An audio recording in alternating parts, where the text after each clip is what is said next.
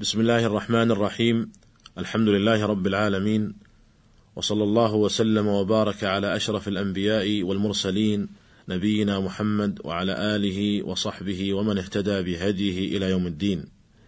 أيها الإخوة المستمعون السلام عليكم ورحمة الله وبركاته. وحياكم الله تعالى في هذه الحلقة التي نستكمل الحديث فيها بذكر جملة من البيوع المنهي عنها بعد أن ذكرنا جملة من تلك البيوع في حلقات سابقة. فنقول أيها الإخوة من البيوع المنهي عنها بيع الطعام قبل قبضه ففي الصحيحين عن ابن عمر رضي الله عنهما أن رسول الله صلى الله عليه وسلم قال من ابتاع طعاما فلا يبعه حتى يستوفيه وفي لفظ حتى يقبضه وفي الصحيحين أيضا عنه رضي الله عنه قال رأيت الناس في عهد رسول الله صلى الله عليه وسلم إذا ابتاعوا الطعام جزافا يضربون في أن يبيعوه من مكانهم وذلك حتى يؤوه إلى رحالهم. وفي صحيح مسلم عنه رضي الله عنه قال كنا في زمان رسول الله صلى الله عليه وسلم نبتاع الطعام فيبعث علينا من يأمرنا بنقله من المكان الذي ابتعناه فيه إلى مكان سواه قبل أن نبيعه. ففي هذه الأحاديث وما جاء في معناها النهي عن بيع الطعام قبل قبضه والأمر بنقله من مكان البيع إلى مكان آخر سواه. وقد ذكر الإمام ابن القيم رحمه الله أن الحكمة من النهي عن البيع قبل القبض هي عدم تمام استيلاء المشتري على المبيع وعدم انقطاع علاقة البائع به فقد يسلمه وقد لا يسلمه لا سيما إذا رأى المشتري قد ربح فيه. فإنه قد يسعى أي البائع في رد البيع إما بجحد أو احتيال على الفسخ ونحو ذلك. وربما أفضى ذلك إلى الخصام والمعاداة قال ابن القيم رحمه الله والواقع شاهد بهذا. فمن محاسن الشريعة الكاملة الحكيمة منع المشتري من التصرف فيه حتى يتم استيلاؤه عليه وينقطع عن البائع فلا يطمع أي البائع في الفسخ وفي الامتناع من الإقباض قال رحمه الله وعلى هذا فإذا باعه قبل قبضه من بائعه جاز ذلك على الصحيح لانتفاء هذه العلة. وقد اتفق العلماء على أنه لا يصح التصرف في المبيع قبل قبضه إذا كان مكيلا أو موزونا أو معدودا أو مذروعا لما ذكرناه من الأحاديث. قال ابن منذر رحمه الله: أجمع العلماء على أن من اشترى طعاما فليس له بيعه حتى يقبضه. وأما ما عدا الطعام من المبيعات فهل يجوز بيعه قبل قبضه؟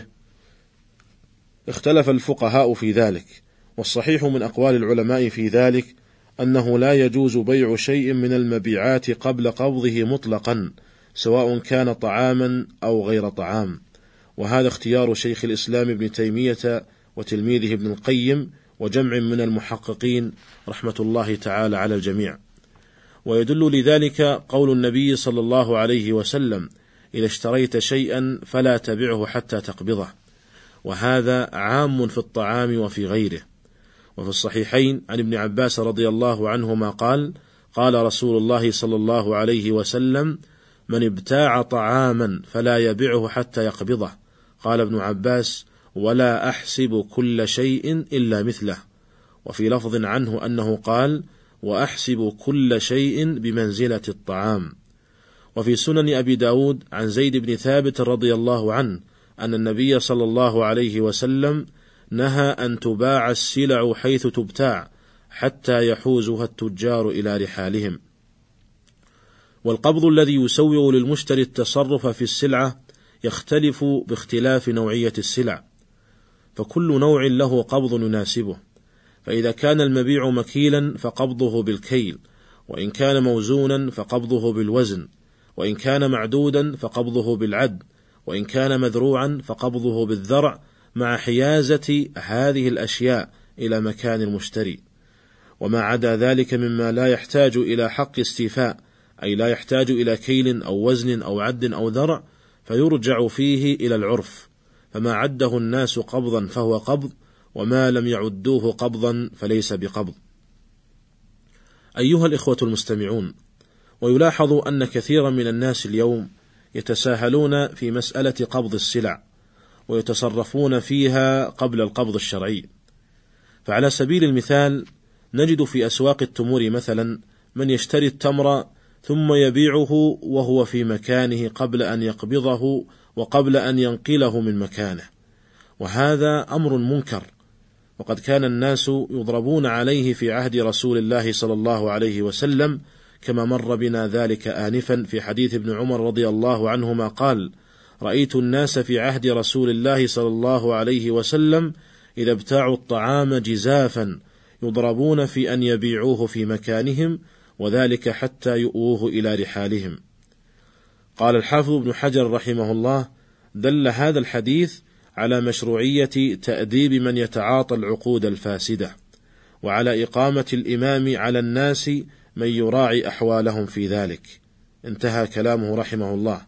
وأقول: يستفاد من هذا الحديث ومن كلام العلماء عليه أنه ينبغي تخصيص عدد من رجال الحسبة ليقوموا بالأمر بالمعروف والنهي عن المنكر في أسواق المسلمين وتأديب من يتعمدون مخالفة أوامر الشرع في ذلك. ومما نهى ومما نهى عنه النبي صلى الله عليه وسلم الاحتكار.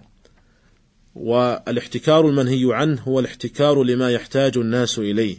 وقد أخرج مسلم في صحيحه عن معمر بن عبد الله عن معمر بن عبد الله رضي الله عنه أن النبي صلى الله عليه وسلم قال: لا يحتكر إلا خاطئ. قال النووي رحمه الله: الخاطئ هو العاصي الآثم، وهذا الحديث صريح في تحريم في تحريم الاحتكار. وقال ابن القيم رحمه الله: المحتكر الذي يعمد إلى شراء ما يحتاج إليه الناس من الطعام فيحبسه عنهم ويريد إغلاءه عليهم هو ظالم لعموم الناس ولهذا كان لولي الأمر أن يكره المحتكرين على بيع ما عندهم بقيمة المثل. انتهى كلامه رحمه الله. ومما يدخل في ظلم الناس كذلك أن بعض الناس عندما يجلب إلى السوق سلعة يتفق أهل السوق على ترك مساومتها إلا من شخص واحد منهم يسومها من صاحبها.